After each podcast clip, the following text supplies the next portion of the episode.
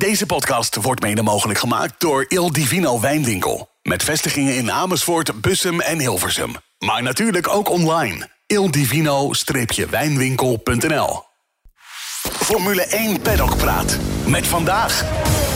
Red Bull Formule 1 Simulator Test and Development Driver Rudy van Buren. Chefredactie Frank Woestenburg en mijn naam is Bas Holtkamp. Welkom.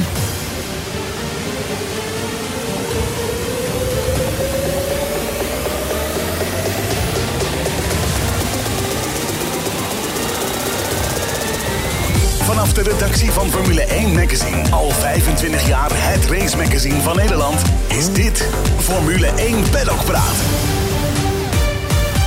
Ja, Rudy, welkom in onze podcast. Ehm, hoe gaat het met je? Goed, lekker druk. Ehm, maar goed, dat houdt een man bezig.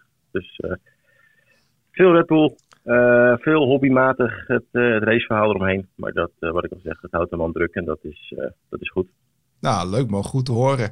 Ja, je bent de Red Bull Formule 1 Simulator Test and Development Driver. Kun je uitleggen wat het precies inhoudt? Dan ben je een puzzelstukje die gebruik maakt van de race simulator om eh, zowel de auto te ontwikkelen door de winter heen, ehm, als support tijdens de raceweekenden op de donderdag en vrijdag eh, met setup ondersteuning. Zo, dus een hele mond vol. Ehm, ja, neem ons eens mee naar een Grand Prix weekend. Hoe ziet dat eruit voor jou? Eh, invliegen op woensdag. En dan s'avonds gewoon in het hotel. Allemaal niet, eh, niet heel spannend. Dan vanaf donderdag nemen we de tijdzone van het circuit over. Eh, Ja. Dat is natuurlijk voor 80% van de kalender niet echt een dingetje. Bijvoorbeeld voor dit weekend dan wel met Melbourne. Dan moet je wel Ja. switchen. Ja, Eh, maar dat is alleen maar omdat dan de communicatie naar het circuit makkelijker is. Eh, maar op donderdag is meestal nog een, eh, gewoon een, een ontwikkeldag. Valt nog wel mee wat je echt voor het weekend zelf doet. Puur en alleen omdat de rijders zijn toch al geweest in de sim. Hun basissetup is al gemaakt. Die gaat niet veranderd worden door eh, wat er nog op donderdag gevonden wordt. oké. Dus dan heb je altijd wel wedstrijden daarna waar je vast voorwerk voor doet. Nieuwe onderdelen. Kan van alles zijn. Ehm, en dan op vrijdag, na de eerste vrije training, wordt het, eh, wordt het, eh, wordt het wat drukker. Dan krijg je eerst al correlatie. Dat is een woord dat je veel terug wordt komen. Ehm, wat in simpel Nederlands betekent, is de sim hetzelfde als de echte auto. Mhm. Ehm, om dus ook aan dezelfde problemen te kunnen werken. Nou, dat doe je na de eerste vrije training, kijk je waar je staat qua correlatie. Eh, heb je natuurlijk al een verhaal van het circuit, van de rijders, wat er aan de hand is. Ja, Eh, maar is beperkt qua tijd richting FP2. Dus dat valt er nog wel mee wat er echt gebeurt. En dan na FP2 ga je, ga je echt aan de gang. Het zijn natuurlijk de grotere debriefs die dan komen. Eh, er zijn inmiddels kortere en langere runs geweest. Dus er is echt een beeld van hoe het team ervoor staat. Ja. Ehm, en dan met dat, ja, noem het maar lijstje, wat er van het circuit afkomt, ga je aan de gang. Verschillende setup opties. eh, om maar een, onder, hoe zeg het? Om maar een, eh, een stukje hulp te kunnen bieden. Wat eventueel een oplossing kan zijn op het circuit voor bepaalde problemen. Dan kun je ook zeggen dat bijvoorbeeld eh, dit jaar in Bahrein was het dan wat drukker op de sim. Omdat eh, Max in dat geval best wel wat moeite had met de balans. ja. Terwijl in Jeddah ging het eigenlijk allemaal redelijk vloeiend op de vrijdag. Ja, dan zijn er minder vragen. Eh, Dus dan is het voor jou ook rustiger tussen de tweede en de derde training. Want dan is eigenlijk voor jou het meest drukke gedeelte. Dan moet je met oplossingen komen. Ja, nou goed, ik kom natuurlijk effectief niet met oplossen. Ik rij alleen maar en ik geef feedback op wat de engineers bedenken. Ehm, en die zijn daar een stuk beter in dan ik. Mijn taak Ja, is dat mensen zo constant en zo hard mogelijk rondrijden. En feedback geven wat doet welke wijziging, waar, waar is het beter, waar is het slechter. En op die manier wordt het dan eh, meegenomen richting het circuit. Ja. En Rudy, Ehm, wa- wat, eh, wat doe jij na, eh, na de vrijdag? In zo'n raceweekend? Oké, Naar huis vliegen. Dus dus tijdens de Eh, race zelf zit je niet in de simulator? Nee, nee, nee. Na de tweede vrije training, op een gegeven moment, nou, noem het even een Europese Grand Prix. Dan is het s'avonds rond een uur of elf is het, is het klaar. Oké. Ehm, en dat verschilt natuurlijk wel afhankelijk van hoeveel werk er komt. Maar dat is bij ons zo. Maar dat is bij andere Formule 1 teams met de simulator net zo. Ehm, dat dan zeg maar na de tweede vrije training komt er een testplan, dat wordt afgewerkt. Daar komt een verhaal uit. En dat is het. Dat wordt eventueel meegenomen naar de derde vrije training. Ehm, maar vanaf FP3 na quali is de tijd zo kort. Daar kan de sim, bij wijze van spreken, geen eh, hulp meer verlenen. Puur uit tijdsgebrek. En dat is hetzelfde wat een beetje gebeurt in de sprintweekenden. Dat er tussen FP1 en de kwalificatie daadwerkelijk uit mijn hoofd nu twee uur zit. Uh, Dus dan is het ook weer in een, in een sim uh, beperkter wat je kan doen. Of andersom gezegd drukker in die twee uur. Om maar te kijken uh, wat er kan. Ja, helder. Maar stel, uh, jullie komen met een bepaald idee van om die auto beter te krijgen. En in de derde training lukt het niet, kwalificatie ook niet. Is het dan alsnog een optie van jongens, we gaan tot aan de race nog iets testen, nog één keer in de, op, op de sim dingen tweaken, whatever, om te kijken om het lek boven te krijgen? Of zeg je, dat is eigenlijk nauwelijks aan de orde? Nee, is niet aan de orde, omdat natuurlijk de setup bevroren wordt. Ze zijn uh, vanwege Park mee zo gelimiteerd wat ze nog kunnen doen. Uh, vanaf dat ze zeg maar, kwalificatie naar buiten rijden, dat daar eigenlijk geen, uh, geen aandacht aan wordt besteed. Wordt weliswaar na het weekend, wordt er wel gezocht. Wat had ja. eventueel de oplossing kunnen zijn. Maar in het weekend zelf is het, is het echt klaar, na, na de tweede vrije training. Tenminste, okay. na het proces wat volgt na de tweede vrije training. Ja, ja.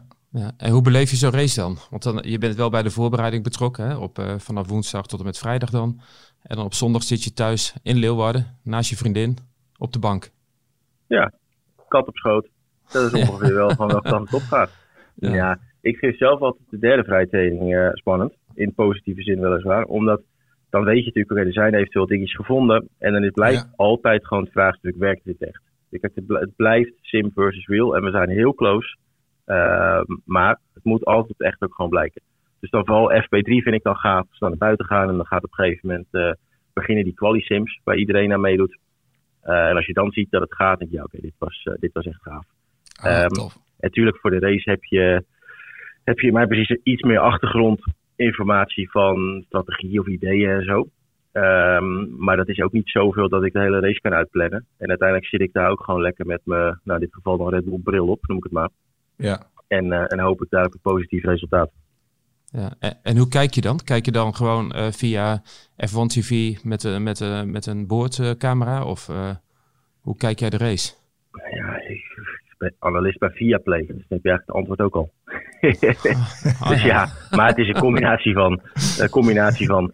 Dus um, het is geen geheim dat in het buitenland, als ik daar, daar zit ik ook regelmatig, dat, uh, dat ik niet met VPN's en alles aan de gang ga en dat via Play niet werkt. Dus ja, ik heb ook F1 TV. Uh, en dan kijk ik inderdaad uh, live timing onboard en gewoon de algemene feed. En dat vind ik eigenlijk nog het fijnste. Gewoon kijken wat, uh, wat iedereen ziet. Want ja. in dit geval anderhalf uur onboard staren. Nou, ik hou de aandacht er niet bij. Nee, nee okay. precies. Hey, en heb je tijdens zo'n raceweekend ook nog contact uh, over de app met, uh, met Max of met andere mensen van het team? Of... Ja, een beetje. Maar dat wordt wel. Kijk, tijdens, de, tijdens dat vrije trainingsgedeelte, als het, dan, als het dan een vraag is vanuit mij ook gewoon puur hoe doet de echte auto iets, dan ja. Maar normaal gesproken loopt dat gewoon via de, via ja, de engineers. Natuurlijk is daar het normale contact, succes en goed gereden, dat soort dingen. Maar uh, dan moeten we zeker niet groter maken als dat het is. Nee, precies. Dus je hebt vooral contact met de engineers. En daar ben jij een, een, een, onderdeel van, een schakel, zeg maar, om te zorgen om de boel nog beter voor elkaar te krijgen. Ja. Uh, nou goed, de ene coureur, Perez, die rijdt anders dan, uh, dan Max. En toch moet je hun rijstijl een beetje ja, nabootsen. Hoe doe je dat? Ja, aanpassen en data kijken. In het begin is dat soms even, even zoeken. Maar inmiddels is dat zo bekend hoe beide heren rijden. Ehm, ja, dat is, dat, is, dat is eigenlijk gewoon of je een knopje omzet. Dat, dat okay. klinkt heel spannend, maar vanuit mijn positie zie ik dat ik echt als een van mijn taken, nu ik daar werk, uh, ik moet voor beide heren ondersteuning geven. Dus het is ook, verbod gezegd, mijn probleem dat ik die rijstijl aan moet houden. Want anders kan ik hun niet op de juiste manier helpen. Ja, Natuurlijk ja. zal er nog wel eens zijn, of als Jeddah ook nog, krijg je dan af en toe uh, tijdens een correlatie nog iets feedback van hé, hey, uh, de rijder doet dit en dit bij die bocht, let even hierop. En dan is het aan mij om dat wij spreken vanaf de volgende ronde gelijk ook aan te passen. Uh, maar dat proces gaat goed. Daar zit geen, uh, daar zit geen beperking om te switchen tussen, uh, tussen beide rijstijlen. Kijk, het klinkt natuurlijk of dat zich mega verschillend rijden, maar dat valt natuurlijk ook wel weer mee. Ja, ja precies. En welke rijstijl ligt jou het, het, het beste? Van nature zit ik dichter bij Max. Oké, okay, dus het was Omdat makkelijker het voor hem. Ja omdat het effectief een auto is die iets meer, uh, iets meer op zijn neus is, hoe wij het dan noemen, iets nerveuzer ja. is. Um, maar uiteindelijk zit het ook altijd echt in, uh, in, in minime verschillen qua rondetijd tussen, tussen beide setups. Dus, kijk, uiteindelijk voor de rijders is het natuurlijk ook een comfort kwestie. Wat voelt fijn? Um, en nou, daar heeft Perez een voorkeur en Max heeft daar een duidelijke voorkeur in. Wat heeft iemand nodig om die laatste 2, 3 procent uit zichzelf te kunnen halen? Nou, Vertrouwen, dat, uh, ja. Ja, vertrouwen. Dat is meestal het codewoord. Dat kon je ja, op, ja. uh, op Jeddah ook zien op vrijdag. Dat Checo best nog wat moeite had met de achterkant in de eerste sector. Daar hoef je geen, uh, geen professor voor te zijn om dat op een onboard te zien. Je ziet het aan het sturen. Gewoon puur ja. onboardcam die iedereen kan zien. Uh, nou, daar wordt dan iets aan veranderd voor de, voor de zaterdag. En dan zie je dat het vertrouwen groeit en ook de pace dan een stap zet. Hey, en als je kijkt naar het circuit van Melbourne, is dat een circuit wat uh, de wagen ligt? Ja, dat komt wel goed. Kijk, je ziet dat we eigenlijk geen zwaktes zijn. Het is meer uh, geval in mijn ogen dan krijgt de concurrentie de auto beter op de rit. Waardoor het gat effectief kleiner wordt. Maar uh, we waren sterk op Bahrein. We waren sterk op Jeddah. Twee compleet verschillende circuits. Ja, dus, dus de kans geen is reden uh, waarom groot, dat, ja. dat het daar niet gaat. Zal er misschien een team dichterbij zitten op een bepaald moment? Ja, dat kan maar zo. Uh, maar goed, dat is ook goed voor de strijd. Uh, uh, Rudy, had je diep in je hart, had je op dit moment ook niet even simcoureur bij Mercedes willen zijn? Veel werk aan de winkel, veel te doen? Nee, ik ben heel blij waar ik zit. Merkte jij in de winter al met testen dat je dacht van, hé, hey, dit is weer een stap uh, voorwaarts? Nou, dat, dat is, dat is heel moeilijk. Want um, ja, je rijdt met een nieuwe auto en dan kan het goed voelen. Maar het blijft altijd de vraag, wat heeft een ander? En Um, en veel simpel gezegd, een auto die goed voelt en te weinig downforce heeft, ja, dan rijdt het allemaal prima, maar de rondetijden zijn er niet. Ja. Uh, dus het is altijd van, oké, okay, we hebben ons eigen plan. En dat gaat heel goed, het loopt goed, het is een verbetering ten opzichte van vorig jaar, maar dan is altijd nog die vervolgstap. Blijft dit zo? Ja. Uh, dus ja, tuurlijk. Het voelde allemaal goed in de sim, maar je moet het gewoon in het echt zien. Daar zit uiteindelijk de, de sleutel. Ja, en ook als je kijkt naar de ontwikkeling van de auto, in hoeverre ben jij daarbij uh, betrokken, zeg maar? Nou, kijk, wat is betrokken? Ik blijf altijd zeggen, het is een klein puzzelstukje wat ik doe. Uh, ik rij rondjes op de sim en ik geef feedback op wat het doet. Ik ben niet ja. iemand die bepaalde dingen bedenkt. Uh, ja, tuurlijk rijden we vanaf eind vorig jaar, of in de loop van het jaar, komt er al van, zeg maar, in de sim de nieuwe auto voorbij. Ja. Uh, dan geef je feedback op onderdelen, wat werkt en niet werkt. Dus in dat opzicht, ja, het maak je er een klein stukje van uit. Maar laten we dat ook niet groter maken dan het is. Er zitten natuurlijk heel veel engineers en knappe koppen die daar heel Tuurlijk. goed in zijn. Uh, die die auto ontwikkelen. Maar ja, je bent, ik ben er in mijn geval dan een klein stukje, klein stukje bij betrokken. Ja, tof. En uh, nou ja, een andere bekende simracer in Nederland is natuurlijk Adse Kerkhoff. Voor jou ook geen onbekende. Uh, nee. Hij heeft ook uh, een behoorlijke reputatie opgebouwd in de wereld van het ja, e-racing. hij is werkzaam bij een andere Formule 1 team, Alfa Romeo. hoe is je relatie met hem? Goed, is natuurlijk effectief soort van mijn, mijn teambaas bij Team Redline. Ja, precies. Dus... Um, maar dat is al jaren zo, dus daar is gewoon goed contact. En hij is natuurlijk een iets andere richting op binnen de, binnen de Formule 1 wereld als ik. Ja. Kijk, hij zit dit jaar zelfs aan de pitmuur. Ja. Um, nou, super knap. knok je er maar tussen op die manier bij een team. Effectief nee, is hij zelf ook begonnen met, met de race Wat veranderd is richting... Um, richting performance engineer. Een rijderstraining vanuit zijn eigen simcentrum in Tilburg. Um, en dan zo doorknokken naar Formule 1 team, naar nu zelfs aan de pitmuur zitten. Ja, ik kan alleen maar zeggen, petje af. Is dat een ambitie die, die, die jij ook hebt? Nou, je kan natuurlijk ook zeggen, wat ik nu doe, doe je dat over tien jaar nog. Nou, dan ben ik bijna 41. Dat lijkt me sterk.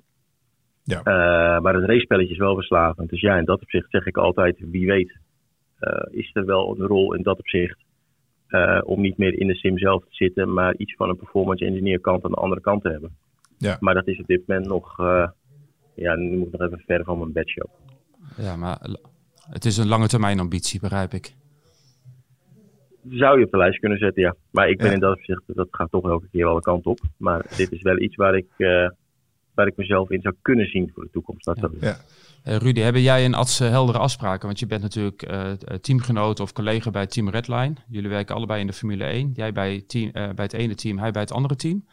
Zijn, zijn daar afspraken over gemaakt van wanneer je wel en geen contact met elkaar hebt, wat je wel en niet met elkaar deelt? Nee, totaal niet. Okay. Totaal niet. Dat zijn gewoon dingen die worden gewoon niet besproken. Dat is gewoon een soort onge, ongesproken regel. Maar voor de rest, behalve dat, is daar totaal geen beperking. Dat okay. is gewoon een professioneel over. zeg je natuurlijk bepaalde dingen niet. Maar nee. uh, we hebben natuurlijk genoeg andere dingen met simrace en alles waar we contact hebben. Waar het onderwerp Formule 1 echt niet langskomt. Nee, helder. Uh, hey, team, en... team Redline bestaat, uh, bestaat volgens mij uit een heleboel rijders. Hè? Zijn, ja, zijn er nog meer top. jongens die, die, nou ja, die, die, die bij de Formule 1 betrokken zijn? Of zijdelings? nou, er zijn natuurlijk een paar die hebben een Formule 1 droom, om het zo maar te zeggen. Of hebben iets met Formule 1 gedaan of Formule E. Dus het zijn best wel, ja, het is best een hele grote lijst met gave gasten. Als ik nu namen zou gaan noemen, dan zou ik mensen vergeten en ze het niet doen, wat helemaal niet cool is. Maar um, ik denk dat het ook de charme is van Redline. We hebben echt een gave mix tussen, ik moet even, top simcoureurs en uh, top real-life coureurs. En dat is, dat is wat het ook zo gaaf maakt. En vooral ook omdat we dan achter de schermen echt heel veel contact met elkaar hebben. En iedereen is uh, gelijk, om het zo maar te zeggen. Geen sterrenlures. Iedereen is gewoon bezig met hetzelfde spelletje. En dat geeft een, een hele goede vibe. Ja, mooi. Ja, tof. Hey, en dat jij en Adse allebei uit Nederland komen, ehm, is dat toeval of is de simrace enorm groot hier? Is dat toeval? ik denk dat er nog veel meer Engelsen werken in, in de Formule 1. Dus nee, ik denk niet dat het toeval is. Ik denk dat het toevallig in dit geval uh, zijn, zijn met z'n tweeën die goed zijn in een bepaalde tak.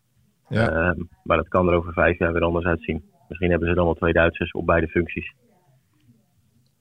Ja. Je, je, uh, jullie zijn allebei ooit begonnen hè? met uh, gewoon nou ja, op, je, op je eigen slaapkamer, denk ik, met, een, met een stuurtje en aan een bureau vastgemaakt. Mm -hmm.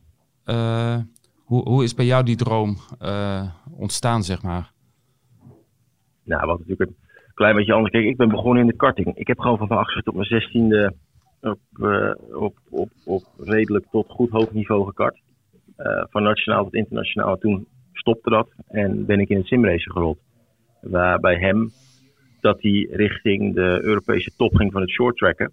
Ja. Uh, maar door een blessure daar stopte. En ook, ook eigenlijk iets gezocht heeft om die competitie op te zoeken. Dus in dat opzicht is natuurlijk de basis is anders. Uh, maar het proces hoe we erin zijn gegroeid is allebei gewoon de, de, de honger naar competitie, noem ik het maar. Uh, dan was het waarschijnlijk voor hem iets moeilijker om erin te rollen dan voor mij, richting het simracen, gezien de ja. achtergrond. Maar ja, kijk maar wat hij allemaal behaald heeft. Het is, uh, het is aardig gelukt. Uh, ja, ik denk dat we allebei een jaar of zes, zeven echt ons vast hebben gebeten in het simracen, voordat dan ehm, het echt vruchten afwierp. Maar uren en is, uren erin gestopt. Ja, dat, dat wil je niet weten. We hadden vroeger zo'n uh, zo'n programmaatje, dat heette X-Fire. Ja. Voor je zien hoeveel uren in die week je gespeeld had. Nou, ja. ik, heb, uh, ik heb weken gehad, ze hadden tussen de 60 en 70 uur. Meen je? Naast, naast school. Nou, dan kun je je voorstellen hoe mijn ouders dat vonden. Als, uh, even als 20-jarige die nog thuis woont, die eigenlijk op zijn studie moet focussen. Maar niet Hoe ging het op school? Tot, ja. ja. Ik durf het nauwelijks te, te vragen. Maar. Even kijken.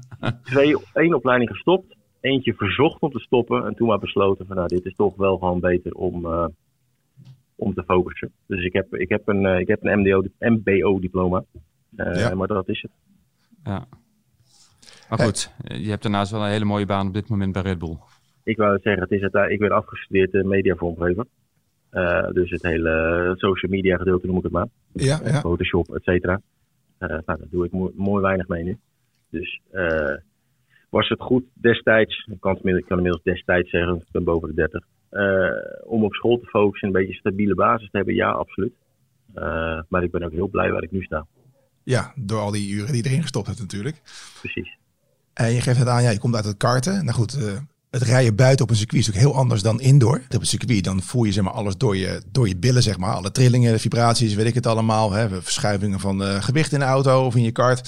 Maar binnen is natuurlijk totaal anders. Hoe heb jij die switch kunnen maken? Ja, dat, ja het gevoel door je billen. Dat is natuurlijk het meest, uh, het meest belangrijke wat je hebt als coureur. Wat eigenlijk gewoon 100% ontbreekt in de sim. Uh, en daar hebben ze daar natuurlijk tegenwoordig bij Formule 1 sims wel wat oplossingen voor. Dat weet ja. iedereen, dat die sims bewegen om dat gevoel te evenaren. Uh, maar voor de thuissims is dat een heel moeilijk ding. En tot op heden, nou, de mensen thuis hebben alleen maar stem. Maar als ik de camera hadden zagen, dus achter mij op de sim staan, rijden we zonder motion. Uh, met ja. de professionele thuissims. Omdat het gewoon niet goed genoeg is, de spullen die er zijn. Um, als je daaraan begint, als, ik noem het even autosportveteraan, is dat een drama. Stel je ja. neemt iemand van 35, heeft alleen maar circuit gereisd het hele leven, zet in de sim. Nou, wagen ziet met twee rondjes. Heeft heel veel moeite. Voor mezelf, ik was 16, 17 toen ik daarmee begon, dus ben je daar ingegroeid. Altijd met de PlayStation aan het harnessen en op een gegeven moment heb je dan een stuurtje. Ja. En zo groeit dat erin. Dus dat gemis is de nood echt geweest. Want je gaat je triggert meer op geluid dan in plaats van gevoel door je willen.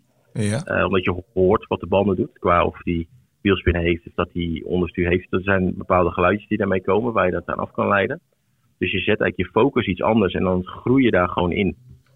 Ehm, dus voor mij was dat niet moeilijk om, om te switchen. En uiteindelijk was het ook iets van, nou, dat, het, uh, het racebloed was aan het borrelen. Dus ik wou gewoon iets van competitie. En dat had ik op dat moment in simracen. Dus daar stopte je gewoon heel veel tijd in. Ja. Tot je goed bent.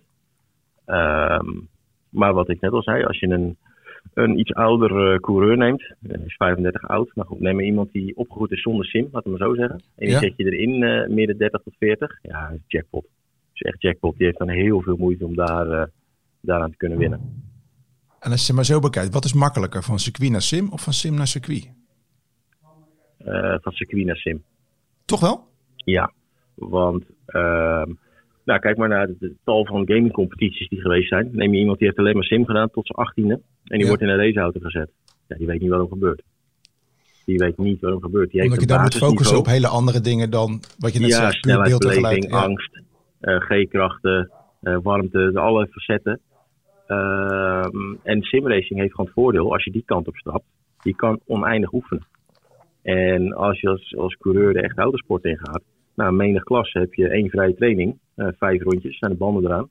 Eh, dan heb je kwalificatie, drie rondjes, is de piek van de band af en dan begint je race al. Dus effectief heb je het over minder dan tien goede rondjes voordat je eigenlijk moet presteren. Ja. Daar ik kan je op een papiertje geven dat de gemiddelde F1 e-sport coureur bijvoorbeeld, die zit op Ja. 40 uur, 50 uur, 60 uur per week, voorbereiding voor een wedstrijd. Dus wil je ook niet weten hoeveel rondjes dat is. Dus Ja. tegenwoordig, met simracen zijn ze goed door herhaling. En in echte Ja. auto moet je goed zijn hoe je bent. En Precies. natuurlijk kan je dat wel, word je daar beter in als je dat meer doet. Maar uiteindelijk hang je daar meer op echt rauw talent dan in de sim. Daar moet je een basistalent hebben en mega, mega tijd erin stoppen. In de sim-competities die er nu zijn. Ja. Kijk, in de Formule 1 sim is dat weer iets anders. Dat is weer meer richting het echte, want je hebt de tijd niet. Het is gewoon twee, drie rondjes, feedback, bam, en door. En dan moet het en staan. gelijk Ja. erbovenop. Ja, ja. Uh, terwijl bij alle thuiscompetities, ik vind het persoonlijk altijd jammer wat er nu gebeurt. Kijk, het geeft een mega hoog niveau in alle thuiscompetities. Alleen het hangt er ook aan dat mensen er idiote hoeveelheid tijd in gaan stoppen om die laatste halve tiende eruit te halen. En dat is dan puur op herhaling dat ze een rondje kunnen rijden. Ja. Um, ik weet zeker bij de gemiddelde competitie, als je zou zeggen het wordt uh, twee minuten van tevoren bekend welke auto een baan. En dan zie je de uitslagen er een stuk anders uit. ja, Dat neemt niks weg van de jongens die winnen, want die stoppen er mega tijd in. Natuurlijk, degenen die vooraan rijden nu, die zijn ook goed met alles. Dat totaal, dat bedoel ik ook absoluut niet te zeggen dat ze dat niet zijn. Alleen het geeft wel een laag of ook een instapdrempel richting de e-sport competities deze tijd. Dat je, ja, je moet er echt tijd voor hebben of je komt er gewoon niet bij. Nee. Ja. En de angst is een dingetje. hè? Als je in de sim eh, tegen de muur klapt, doet, doet het geen pijn. Het is echt wel, geloof ik. Nou, ik, het voelt niet lekker in je pols hoor, als je in de sim gaat. Maar ehm, nee, natuurlijk, angst is een ding. Angst, warmte, snelheidsbeleving, wat ik net ook al zei, dat is een barrière waar ze tegenaan lopen. En dat Ja. kun je dan combineren met eh, ja, gebrek aan tijd. Dat, wat, wat ik net ook uitleg met die paar rondjes die je maar hebt. Dat zie je bij alle jongens die uit zo'n gamingcompetitie doorgestroomd zijn. Ehm, die lopen daar tegenaan. Hey, en eh, zelf ben je ook aan het racen natuurlijk. Je hebt, eh, ja, naast de sim heb je ook de, de Porsche Super Cup gereden en de Ca- Carrera Cup. En eh, je bent eh, dit jaar overgestapt naar de EK Autocross. En binnenkort gaat het voor mij allemaal starten, hè? Ja, twee weken, begin eerste testweekend. Leuk. Dus dat, eh, dat is gaaf. 180 graden de andere kant op. ja, Maar, van asfalt naar eh, offroad. Leuk. Ja, ik vind het, ik vind het super gaaf. Ik heb de afgelopen jaren er af en toe wat mee gereden. Mijn Ja. vader deed dat vroeger. Op, op Nederlands niveau. En het heeft eigenlijk altijd gekriebeld, maar nooit de mogelijkheid gehad om het goed te doen. Eh, nou, die kwam nu wel. En effectief voor dit jaar heb ik natuurlijk een heel mooi contract bij Red Bull. Ja. Ehm, alleen was altijd wel de vraag, wat past ernaast als eigen racekalender? Wat lastig en is, daar lijkt mij. Ja, dat, dat is lastig. Maar daar heb ik uiteindelijk de keuze gewoon vanaf laten hangen. Ehm, dus ik kreeg een, een kalender van Red Bull, noem ik het maar. En daar heb ik gewoon naast gehad, wat past ernaast? Is dat oftewel EK Buggy? Is dat Duitse Porsche Cup? Nou, Super Cup, dat konden we allemaal van tevoren voorspellen. Dat ging hem sowieso niet worden. Want dat is acht keer een Formule 1 weekend. Nou, de kans dat ik precies die acht vrij ben, dat lijkt me, lijkt me sterk. Eh, om het nog maar niet over stand-by staan te hebben, want er kan natuurlijk altijd wat gebeuren. Ehm, nou, voor Duitsland zou ik er drie missen. Nou, toen nog gekeken naar Benelux Porsche, zou ik er ook drie missen. Ja. Ja, dan is zo'n kampioenschap gewoon veel te kostbaar voor wat je rijdt. Nee, ja, Ehm, logisch. Oké, EK Outcross. Nou, kan er 9 van de 10. Kijk, dan Ah, gaan, we, gaan we praten. Nou, over die tiende overlegd in Engeland. Was ook een mouw aan te passen. Ehm, nou, volledig kampioen, kampioenschap beschikbaar. Nou, heel gouden keuze gemaakt. En, Ja. eh, en doorgepakt. Dus Nou, eh, tof. nieuwe uitdaging. Ook een stap richting eventueel een keer een Dakar-droom. Die er Oh, al jaren ligt. Ehm, maar we gaan eerst dit doen. En ik weet Ja. zeker dat dit geen, eh, geen eenjarenplan is. Dus we gaan eerst eens eh, ervaring opdoen. Want voor Dakar maakt het niet uit of dat ik eh, 30 of 35 ben. Nee, precies. Eh, Hey Rudy, heb, heb je dat ook nodig, het, het echte rijden, om mentaal fris te, fris te blijven in je hoofd, zeg maar? Omdat je natuurlijk heel veel in de, in de sim zit. Ja, ik zei het vanochtend nog tegen iemand. Ik zeg, ik ben blij dat straks mijn eigen raceseizoen ook weer begint. Want de mix houdt het vooral leuk. Kijk, ik leer dingen in de sim die ik het echt kan toepassen. Eh, Ja. Denkwijzes, rijstijlen. Dus dat zijn echt dingen die je gewoon leert. En de combi eh, houdt het leuk. Kijk, als je, als je jezelf even voorstelt dat je ja, even 50, 60, 70 dagen, maar het maakt allemaal niet uit. Maar dat je in, in een sim zit per jaar. En dat is het. Ja, ik weet niet of je daar eh, over een meerjarenplan blij van wordt Ja, gewoon heel eerlijk gezien mag. Het is een super gaaf apparaat om mee te rijden. Maar dat het enige is wat je doet, dan denk ik dat het daar op een gegeven moment best lang duren. ja. Ehm, maar nu is het lekker druk met coachen, simulatorverkoop. Uh, nou, dan zelf het kampioenschap rijden. En dit is wat ik in het begin ook al zei: het houdt, eh, het houdt de man bezig. Ehm, en die, dat maakt het gewoon leuk, laat het zo zeggen. Ja. Hey, we hadden nog wat eh, luisteraarsvragen binnengekregen voor je.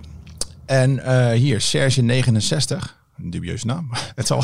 Eh, hoe ziet jouw mentale voorbereiding eruit voor een event? En ehm, dan ook vooral, hoe hou je die concentratie zo goed mogelijk vast? Dus ja, vooral denk ik inderdaad met, eh, stel je hebt een lange race met eh, team eh, Redline. Ja. Ehm, vooral niet te veel focussen vooraf. Ja, dat klinkt heel dwars op wat, wat de vraag is. Maar ehm, ik denk juist als je een ontspannen sfeer hebt, eh, zoals met Team Redline, dan zijn we pas eh, 24 uur van Le Mans als voorbeeld. Ja. Nou, dan hebben we allemaal een stintplan en je weet, eh, ik, moest dan de, ik moest de race starten. Dan kan ik twee dingen doen. Ik kan het laatste uur eh, mijn koptelefoon muten van alle spraakprogramma's en eh, als een soort ijskonijn naar het scherm zitten staan en zenuwachtig zijn. Of je kan eh, ontspannen met elkaar dingen doornemen. Een geintje hier en daar. En op die manier dan de laatste paar minuten. Oké jongens, nou serieus. Ja, ja, precies. Ehm, en dat is dan de optie waar ik voor ga. En zelfs tijdens het rijden eh, Ja. wordt er nog best wel wat gesproken. Ehm, omdat dat gewoon de, ja, de, de spanningsboog niet over een bepaald punt laat gaan. Dus ik zoek vooral de ontspanning op. Want ik denk dan is iedereen is het snelste in ontspannen sfeer. Zodra Ja. het moet, dan gaat het niet. Eh, neem Logan Sargent Sargent maar als voorbeeld in Jeddah. Eh eerste rondje was super in de ontspanning. Wordt die ronde afgepakt in de kwalificatie en daarna moest het. Nou, toen was het jackpot. Ja. Dat is zo'n voorbeeld. Van dan kom je in het mentaal in het verkeerde deel terecht. Dan moet, moet, moet. En moet gaat nooit. Nee. Ehm, dus vooral de ontspanning houden. Top. Nou, dan kregen we nog een vraag binnen van eh, Jack van Marrewijk. Eh, wat is je mening eh, over het cheaten, wat nu een hot item is eh, onder de grote naam in de e-sports? Voornamelijk geloof ik voor F122. Ja, ik heb het ook meegekregen. Ja, ik hoop dat ze ze pakken. Alleen eh, als ik wat mensen spreek uit die wereld, zeggen ze ook: ja, er is op dit moment eh, niks meer dan een verdenking. Eh, nou, er is ook altijd gezegd: je bent niet illegaal tot je gepakt bent. Maar dat het er dubieus uitziet, ja. Dat, kijk, maar aan de andere kant, ziet het er dubieus uit? Ja. Is het op die manier al het spul bij elkaar gepakt? Ook ja. Dus het, is het gaat natuurlijk om minieme percentages. Maar het Ja. feit dat het spel het toelaat, ik denk dat daar het grootste probleem zit. Of het nou eh, gedaan is of niet, dat is even een tweede. Hey Rudy, ik, ben, Ehm. ik ben een leek hoor in het eh, eh, F1 eh, 2022. Maar Oh, ik kan het wel toelichten hoor. ja, want hoe Er wordt er getweet? er gaan geruchten dat er bepaalde grip hacks gebruikt worden. Dus een programmaatje wat op de achtergrond meeloopt, wat ervoor zorgt dat je bij wijze van spreken 1 of 2 procent meer grip hebt Hmm. op de achterwielen tot een bepaalde snelheid, bij wijze van. Waardoor je dan elke keer net een iets betere exit hebt, waardoor Ja. je een halve tiende pakt eh, op drie plekken op de baan, waardoor je anderhalve tiende los bent in de kwalificatie. Dat zijn de verhalen die er gaan. Oké. Ehm, nou is het dan natuurlijk heel makkelijk om, eh, om nu YouTube erbij te pakken. Dan zie je een aantal namen die gelijk naar boven komen waar de verdachte eh, vingers naartoe gaan. Maar ik denk dat het probleem eerder zit bij het spel. Dat er gewoon geen fatsoenlijke detectie op zit in dit geval. Nou, hebben we nog een eh, laatste vraag. Die komt binnen van eh, Michiel eh, Schipper. Hoe kan iemand die thuis een sim heeft staan het beste de next step maken in zowel simracen, maar eventueel ook naar het echte racen? De twee combineren. Kijken voor competities waar je, een, waar je een kans krijgt om iets met een echte auto te gaan doen. uiteindelijk zal het altijd een financiële drempel blijven. Ja. Je stapt de autosport in. Ehm, maar goed, tegenwoordig een beetje professioneel sim is ook een financiële drempel. Dus, Mhm. Ehm, ja, als ik het opnieuw zou doen, zou ik hetzelfde traject zoeken als wat ik zelf, ja, ik noem het even, heb meegemaakt. Ehm, ik zat weliswaar ook gewoon volledig in het simracen zonder uitzicht de echte autosport in. Ja. Totdat de competitie World Fastest Gamer in mijn geval langskwam. Ja. Waar ik aan meedeed gewonnen heb. En daardoor ja, eigenlijk een soort eh, snelversnelling, de, um, of een stroomversnelling de autosport in kreeg. Ehm, maar ik denk dat dat in alle respect de enige echte methodes zijn op het moment. Eh, dus veel tijd erin stoppen. Ja. E-sport wedstrijden rijden. Want Ja. uiteindelijk gezien worden is belangrijk. Ehm, en jezelf dan heel erg afvragen of dat je überhaupt de autosport wel in wil. En dat is iets wat je best wel mensen tegenaan ziet lopen. Eh, het, het klinkt natuurlijk als de gouden droom, de hele autosport. Ja. Ehm, maar autosport kan ook heel veel teleurstelling, moeite, alles kosten. Laat het maar op die manier noemen. Ehm, het is natuurlijk heel erg afhankelijk van wat je zelf wil. Wil je op een nationaal niveau ehm, mee gaan rijden? Ja, natuurlijk, dat kan. Je kunt ongelooflijk naar je zin hebben als je dat voor jezelf op die manier kan blijven, blijven verkopen naar jezelf. Eh, en juich dat 100% toe. Ehm, heb jij DTM GT3-achtige dromen? Ja, dan is het in de tegenwoordige tijd zo extreem moeilijk om daartussen te komen. Ja. Ehm, dat ik vind dat je jezelf ook af moet vragen: is dit een realistisch traject? Ehm, omdat er gewoon een financieel plaatje bij komt, wat voor de gemiddelde gewoon niet is weggelegd. Voor meer dan de gemiddelde niet is weggelegd. Ehm, dus om kort te antwoorden: zoek competities waardoor je kansen krijgt met echte auto's. Of eh, ja, kijk, kijk vooral dan ook wat maakt jou anders dan een ander. Want er zijn met jou nog duizend andere 16-jarige Nederlandse Ja, nee, jongens inderdaad. meiden die de autosport in willen. En dan kom je altijd op het punt uit, je hebt sponsoring nodig. Ja, maar waarom gaat iemand jou sponsoren? Je bent één van de duizend. ja, je moet echt wel iets, eh, hebben iets in- hebben waarmee je echt uitblinkt wat je zegt. Ja, duidelijk verhaal. Ja, de enige reden waarom ik na 2017 sponsoring kon krijgen voor de Porsche Cup was de crossover, omdat ik tussen virtueel en echt in stond. Ja. En dat was op dat moment heel hot. En dat vonden ze gaaf. Waardoor op dat moment dat sponsorgeld op tafel kwam om die Porsche Cup te kunnen rijden. Kon, op dat moment te kunnen rijden. Maar dat werd ook elk jaar nog moeilijker, want die hype ging daar ook af. Je zag het iets meer. Het speciale was er vanaf inmiddels dat iedereen zijn pokkerding thuis staan. Dus het was niet meer zo, zo speciaal. En dat is dan best wel moeilijk als je natuurlijk één in een, in een dozijn. Ik noem het, ik noem het al duizend. Als je daar één van bent, Ja. hoe kom je daar dan uit? Ja, eh, papa en mama aankijken. Maar goed, dat is ook voor uit die duizend misschien voor twee weggelegd. En dan is het echt moeilijk om die stap te kunnen zetten. Zelfs al zeg je, ik ga op nationaal niveau rijden. Dan heb je het alsnog over duizenden euro's Ja. per jaar die maar over moeten zijn voor de hobby. Ja. Ja, dan kun je het ook andersom zeggen. Word professioneel e-sporter. eh, verdient tussen de 50 en 100.000 euro per jaar. En zeg, eh, ik kijk lekker op tv. Dat is dan makkelijker, ja. Ja, dat, dat is ook een optie. Ja, optie zat. Hey, ondertussen gaan we naar, eh, naar Melbourne. Wa- wa- wat, voor, eh, wat voor race verwacht jij? Je hebt eh, de, de krasverschillen gezien in de eerste twee races. Ik denk dat het een, eh, een optocht gaat worden. En dat komt puur door het circuit. Ik ben geen fan van de update. Dat ze de chicane eruit hebben gehaald in de tweede sector. Ja. Het is zo achterlijk snel met de moderne auto's. Ehm, toen ik dit pas in de sim ook voor het eerst en ik dacht, echt, dit kan niet waar zijn. Dit gaat zo hard. Zo hard. Ja. En ze kunnen het beter volgen met de huidige auto's, maar niet goed genoeg om dat te overbruggen. Ja. Eh, nou, het schijnt wel dat die extra DRS-zone terug is in de tweede sector. Dus misschien dat dat iets doet. Ehm, maar behalve dat zal het een hele kort maar krachtige Grand Prix zijn, omdat de snelheid zo hoog ligt. Ja, dus een optocht met eh, Red Bull 1 en 2 weer. Dat is een idealistisch beeld. Ja, maar ook een realistisch beeld, hè? Die kans is aanwezig, maar goed, je weet het niet. Ehm, omdat het zoveel high-speed is, weinig tractie nodig, zullen bepaalde teams die wat moeite hadden met de achterbanden minder nadeel hebben. Ja. Eh, het moet vooral aero-efficiënt zijn hier.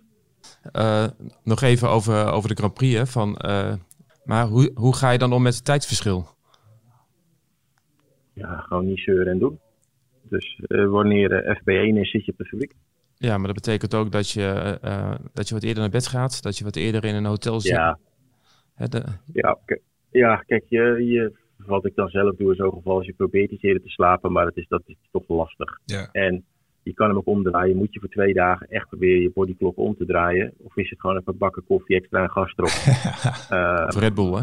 Uit, ja, nou, dat om vier uur ochtends.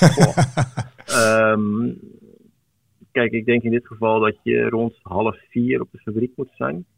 Um, nou, dat is niet onoverkomelijk. Een keer drie uur je bed uit en half vier ja, precies. daar zijn. En dan ben je op vrijdag rond een uur of één, twee, lokale tijd klaar. Vlieg om vier uur naar huis toe, ben je s'avonds thuis met eten. Um, ja, heb je twee taaie dagen gehad. Maar ik persoonlijk zou mijn bodyclock niet te veel omdraaien. Ja, tuurlijk zou je zeggen, ik probeer s'avonds om acht uur te gaan slapen, omdat ik om drie uur uit moet. Um, maar niet meer dan dat. Want daar heb je alleen maar langer last van. Nou, helder. Nou, uh, Rudy, uh, dank voor je tijd. Uh, leuk dat je aanwezig was in de podcast. Ehm, ja, en we mogen je naast, namens onze podcastsponsor Il Divino een heerlijke wijn aanbieden. ben je een wijndrinker? Ja, stiekem met de vrouw op de bank. Lekker. Oh, mooi, mooi. Nou, we hebben een heerlijke Chileense rode wijn voor je in de aanbieding. En die komt binnenkort jouw kant op. Top, dankjewel. Die wordt persoonlijk langsgebracht door onze collega Gerard Bos, die in Leeuwarden woont. Nou, dat gaat goed komen dan. Ja, helemaal goed. Zullen we hem ook gelijk nou, in de sim zetten en kijken wat er gebeurt? Dat hij beter ja. kan blijven schrijven. zet, hem maar, zet hem maar in de sim. Ja. nou, mooi. Hey, wil je nou meer weten over Formule 1? Haal dan ons magazine in huis. Hier staan exclusieve interviews in, mooie reportages en leuke columns. Bestellen via onze website kan ook en dan sturen we hem gratis op. Verder volg je ons laatste nieuws op formule1.nl en op onze socials, Instagram, Facebook, Twitter, YouTube, TikTok en LinkedIn. Bedankt voor het luisteren. Ciao.